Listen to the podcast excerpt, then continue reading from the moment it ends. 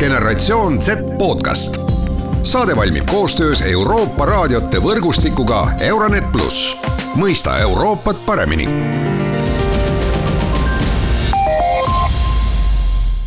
tere, head Genset taskuhäälingu kuulajad. Äh, täna äh, räägime natuke digitaalsetest oskustest ja noortest ja sellest, kas kõik noored on ühtmoodi digitaalselt võimekad, kus jookseb see piir ja, ja kuidas me seda kõike hakkame, saame ja hakkame tulevikus hariduses ka ära kasutama.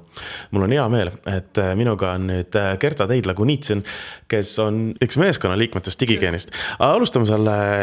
alustame selles osas mina siis, saatejuht Mart Valner ja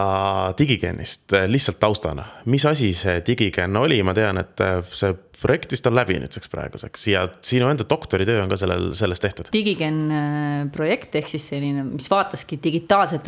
transformatsiooni noorte inimeste eludes. Äh, kolmeaastane projekt, mida rahastas siis Euroopa Liit läbi Horisont kakskümmend kakskümmend äh, taotluse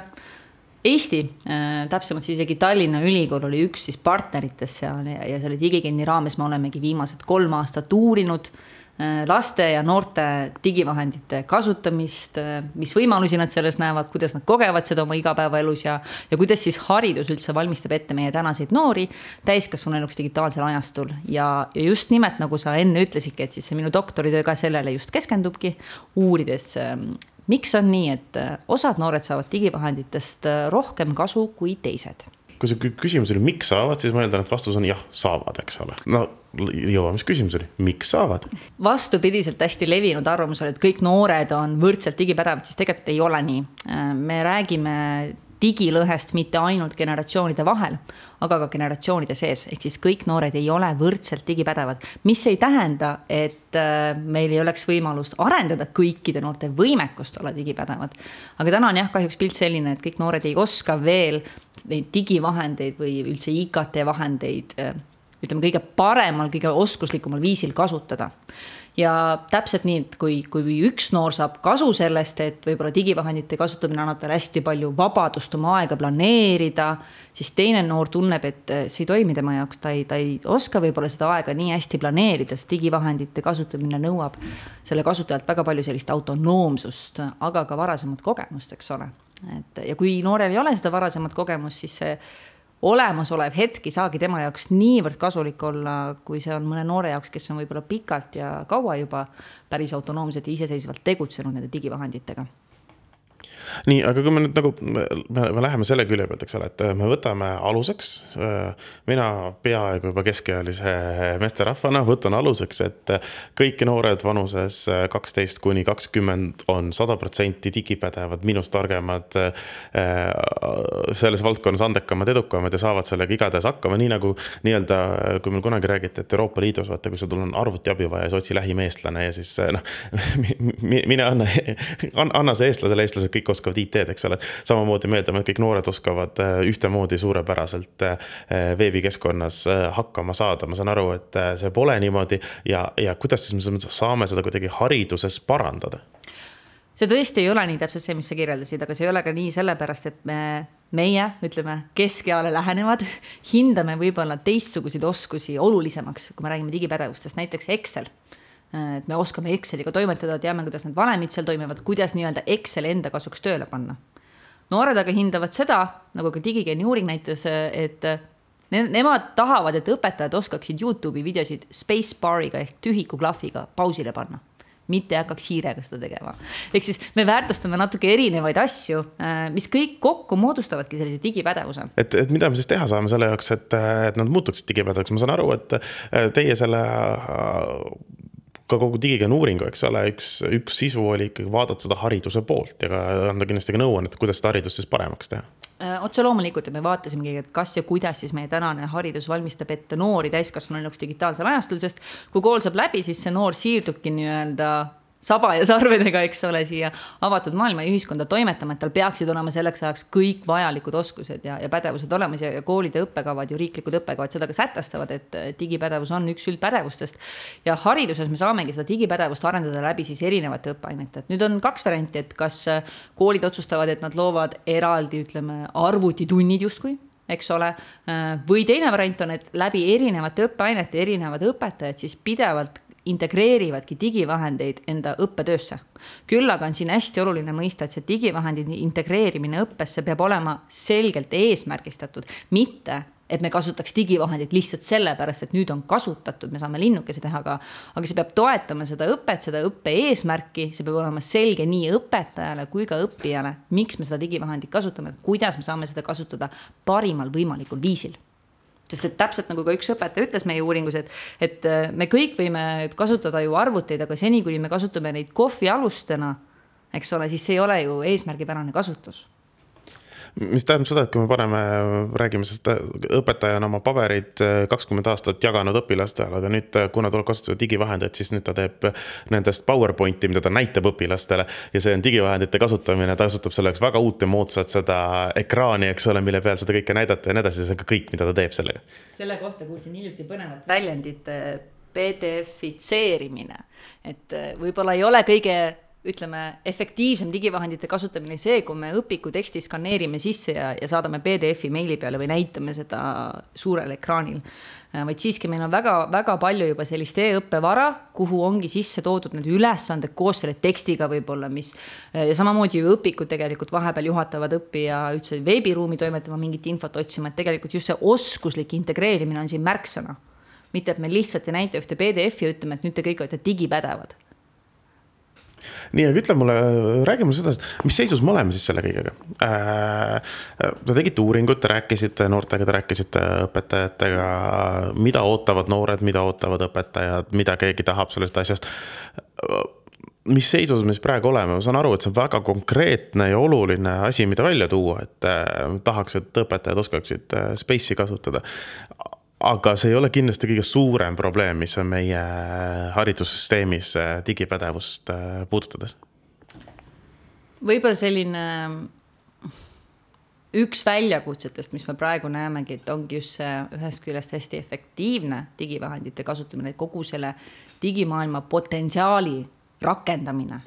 et nagu ma ütlesin, et arvutit me võime kasutada kohvi alusena, aga selle jaoks ei ole arvutid loodud. et just ära tunda see tema kõige efektiivsem kasutamisviis. ja, ja teine asi, millega mulle endale nüüd isiklikult tundub, et millega tuleb võidelda natukene, on see nii-öelda koll, ma kutsun seda kolliks, et kõik digi on paha. kõik digi ei ole paha küsimus on äh, pelgalt selles, mida me selle digiga teeme, kuidas me seda digi kasutame, kuidas me selle enda jaoks töösse paneme. mida Digigeeni uuring meile näitas, on, on see, et äh, gümnaasiumiastmes kasutatakse digivahendeid rohkem pigem kui põhikoolis. Et kui me teeme sellise võrdluse, sest me uuringu käigus ka rääkisime noortega ajal, kui nad käisid põhikoolis veel ja kui nad olid juba mõnda aega gümnaasiumis käinud, rääkisime nendest samade noortega uuesti. ja siis tuli see võrdlus päris, päris, päris hästi vahe välja. ja üks hästi suur ja väga oluline faktor ongi just see õpetaja, et õpetajast sõltub väga-väga palju selle digivahendi kasutamine kas õpetaja on valmis seda tegema, kas tal on ka see tugi olemas, et seda teha teiste ähm, haridustehnoloogide näol, kooli juhtkonna näol, et kuidas on kool neid kokkuleppeid teinud, mida me kasutame, kuidas me kasutame täpselt nagu esimene distantsõpe meile näitas, et õppijaid kurnas see, et iga õpetaja kasutas hoopis erinevaid lahendusi, hoopis erinevaid keskkondasid, nii et pool energiat läks õppijatel sellele, et aru saada, kuhu mingi asi üldse laadida. aga sellised ühtsed kokkulepped, ühtsed arusaamad, kuidas me toimetame, mil viisil me toimetame, mis keskkondades me toimetame, miks me nendes keskkondades toimetame. et, et selle väljanoppimine, et see on praegu, mulle tundub vähemalt, et üks asi, millele rohkem tähelepanu pöörata mõistagi tuleb siia juurde ka selline infrastruktuuriline aspekt. me kõik teame, et sellised seadmed kipuvad päris kiiresti vananema, et isegi kui meil on päris palju koole ja isegi lasteaedu, kus on meediatahvlite võimekus olemas,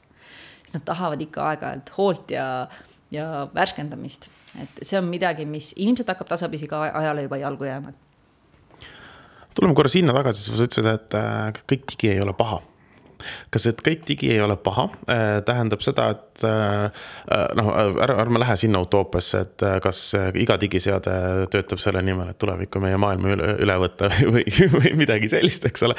aga see tähendab seda, et ka iga digivahendis või digikeskkonnas veedetud aeg ei ole paha, ehk siis äh, me ei peaks mitte heidutama oma lapsi äh, kuskilt digiseadmetest neid eemale hoidma, vaid pigem õpetama neid, äh, kuidas õigesti neid ja efektiivselt neid kasutada. vot siin tuli hästi õige märksõna välja, et koos ütleme nooremate noortega, koos lastega. Just nimelt see, et me vaatame koos, kuidas see digimaailm toimib ja töötab, et kõik veebis, kõik digi ei ole paha. me ei saa lähtuda sellest äh, kuidas ma ütlen, arusaamas siis või veendumusest oma elus, et me hoiame digist eemale, me ei saa sellest eemal hoida, see on igal pool ja hetk, kus me läheme tööle, hetk, kus me läheme ka kooli juba, nõuab mingisuguseid digipädevusi. ehk siis sellise digimaailma vältimine tegelikult on natukene nagu iseendale jalga tulistamine. sest mingil hetkel sa pead sinna siirduma nagunii ja eelnevad uuringud ja, ja kõik uuringud ongi näidanud ka seda ju, et äh, me oskame oskuslikult digimaailmas toimetada siis, kui meil on kogemusi sellest digimaailmast. Äh, ja ma ise jällegi olen ka tõesti pigem sellel veendumusel, et ekraani taga veedetud ajast olulisem on see, mida ekraanide vahendusel tehakse. et mõistagi see ei tähenda, et me peame nüüd lubama kogu aeg kõikidel ainult mängida veebis, kindlasti mitte, see ei ole selle asja mõte. aga kui, kui laps näiteks õpib valet ekraani taga et kas me siis tahame ta sealt ära võtta? Või mis hetkel me ütleme, et ai, nüüd sa rohkem ei tohi. Või kui ma õpin sealt keeli, kui ma õpin pillimängu seal, kui, kui ma loen või vaatan mingisuguseid õppevideosid näiteks keemiatunnis õpitu kohta, et paremini aru saada, mida minu õpetaja koolis rääkis. et siis me ju justkui elame kohe kaasa, ütleme, et väga tubli, eks ole, et küsimus on siin natuke tasakaalus, aga kindlasti ka see, et, et lapsevanematena, eriti kui meil on väikesed lapsed, me peaksime koos õppima selles veebimaailmas toimetama. Nii-öelda täpselt nagu me tutvustame lastele ka, ka muud nii-öelda reaalset, eks ju, maailma enda ümber, et samamoodi me saame ju ühiselt tutvustada seda veebimaailma, kuidas seal toimetada, et. et selline veebimaailma vältimine kindlasti ei ole hea strateegia nii, okei okay., see, kuidas seal turvaliselt olla ja nii edasi, see on ka täiesti suur, pikk ja, ja omaette saate teema ja mis ohud veebimaailmas võivad olla, seda saab ka ühest varasemast meie, meie taskuhäälingust kuulata, kus Maarja Punake käis, käis kõike seda teemat ka avamas meile. aga, aga niimoodi küsides siis praegu vaadates kogu seda veebimaailma, seda digioskusi, mis noortel olemas on. ja rääkides ka täpselt selles, et haridussüsteem peab andma tööriistad kätte, et siseneda tööturule, eks ole kas need noored siis, kes praegu tööturule sisenevad, äh, kas neil on teataval määral eelis võib-olla nendest, kes tegid seda kümme, viisteist, kakskümmend, kakskümmend viis aastat tagasi, kelle jaoks tihti oligi see, et esimene arvuti oli äh, see, mis töökohal ette anti nii-öelda või siis äh, kodune, noh, mina küll meenutan äh, ka, ka juba äh, sihuke kümne, paariteistaastasena aastasena arvutit kodus. aga selle peamine funktsioon oli ikkagi, et kuidas sellega mängida saab, eks ole, et seda, et me nüüd arvutis kuskil mingeid pädevusi arendame, seda, seda juttu nagu tol ajal väga palju ei käinud. siis minu küsimus on, kas tegelikult see, et see noh, ma saan aru, et see lõhe jookseb ka generatsiooni sees, missugune tasemega noored on, aga kas niimoodi üldiselt võib öelda, et praegu tööturule tulevad inimesed äh, ja noored, äh, et, et nad oskavad kuidagi, suudaksid nagu kiiresti hakkama saada, kui sa oskad juba arvutit kasutada, siis see, et mingisugune konkreetne programm seal tööle saada või, või õppida ära, et see on juba järgmine samm nii-öelda väga raske öelda, kas on eelis võrreldes kümme-viisteist aastat tagasi tööturule sisenejatega, et oleneb, mida me eelise all silmas peame, eks ole. et võib-olla kümme-viisteist aastat tagasi oligi lihtsam, sest sellist justkui uut tehnoloogiat oli vähem. et siin on nagu mõtteküsimus, eks ju, aga kui me vaatame tänaste täiskasvanute, noorte täiskasvanute oskusi, siis ega ma kõikidega rääkinud ei ole aga mida me oleme näinud, on see, et kui noh, programmid, sellised üldised, ütleme erinevad programmid, mida sa kasutad ka tööelus, on oma ülesehitused päris sarnased või justkui, kui sa oskad ühte programmi kasutada, et siis sa oskad ka teisi selle valdkonna programme kasutada, nad on selliselt üles ehitatud ja see kindlasti annab eelise, kui sa oled rohkematega kokku puutunud. eks ole, et sa oskad nagu üle kanda neid mõtteloogikaid seal taga ja, ja noh, teine aspekt on see, et me ka täna näeme kõik, et absoluutselt kõik rakendused on ju ehitatud üpriski justkui intuitiivselt ülesse, et me, me isegi kui me vaatame mingit uut asja oma enda, ma ei tea, arvutist, telefonist, et me justkui juba paneme ka ise tähele, et ahah, selle ma võiksin leida selle nupu alt ja nii edasi ja nii edasi, et nad on päris selliselt intui-, intuitiivselt üles ehitatud ja see toetabki ka seda loogikat, et me kanname justkui ühe asja kasutamisest teised asjad ülesse. no mõnes mõttes on jah, et ma saan aru, et täpselt nagu kõikides muudes asjades oluline on ka äh, arvuti kasutamises interdistsiplinaarne oskus äh, aru saada, mis toimub äh, äärmiselt, äärmiselt olulisel kohal. võib-olla jah, selline lai taustmõte siinjuures peakski olema see, et kuidas ma panen selle seadme, vahendi, keskkonna enda kasuks tööle kuidas see asi aitab mind, kuidas ta teeb minu elu, minu töö paremaks see on väga hea mõte ja ma saan aru, et uuringu järgi ja, teie programmist tuleb projektist on ka, on ka välja tulnud, et enam-vähem saavad noored aru, kuidas seda asja enda jaoks tööle panna ja haridussüsteemis on nõrku kohti, kus seda parandada, aga me tegeleme nendega. selle teise poolega ma olen rohkem nõus kui selle esimese poolega, et haridus äh, saab aru, kõik toimetavad. aga võib-olla siia juurde mõtlen välja, et me ei saa panna kogu vastutust ainult meie õpetajatele, et meie õpetajad peavad nüüd kõik noored ette valmistama. väga suur osa, kui mitte isegi kõige suurem osa on kodul ja vanematel et see on see koht, mis tuleb appi, kindlasti tuleb appi noorsootöö huvitegevus, mis seda toetab, et. et see ei ole see üks õpetaja, kes peab nüüd kõik Eesti lapsed digipädevaks nii-öelda kujundama ja kasvama, kasvatama ja isegi kui see õpetaja teeb seda ja väga paljud õpetajad teevadki seda, nad vajavad seda tugistruktuuri sinna juurde, et see õpetaja ei oleks üksinda, et, et tal on lisaks digivahendite kasutamisele juures ka oma õppetöö tegemine, eks ole, isegi vastupidises suhtes no loodan, et äh, kõike head meie õpetajatele, ma arvan, et nad saavad väga hästi hakkama ja eks noored on ka meil pädevad. aga Gert, aitäh täna tulemast. aitäh kutsumast. ja eks siis äh, vaatame, äkki saame mõne aja pärast jälle rääkida, et äh, on uusi huvitavaid. ma tean, et sul endal uusi huvitavaid väljakutseid, äkki on ka mõne uue huvitava teemaga, mida meil edasi rääkida, aitäh. generatsioon Z podcast saade valmib koostöös Euroopa raadiote võrgustikuga Euronet pluss, mõista Euroopat paremini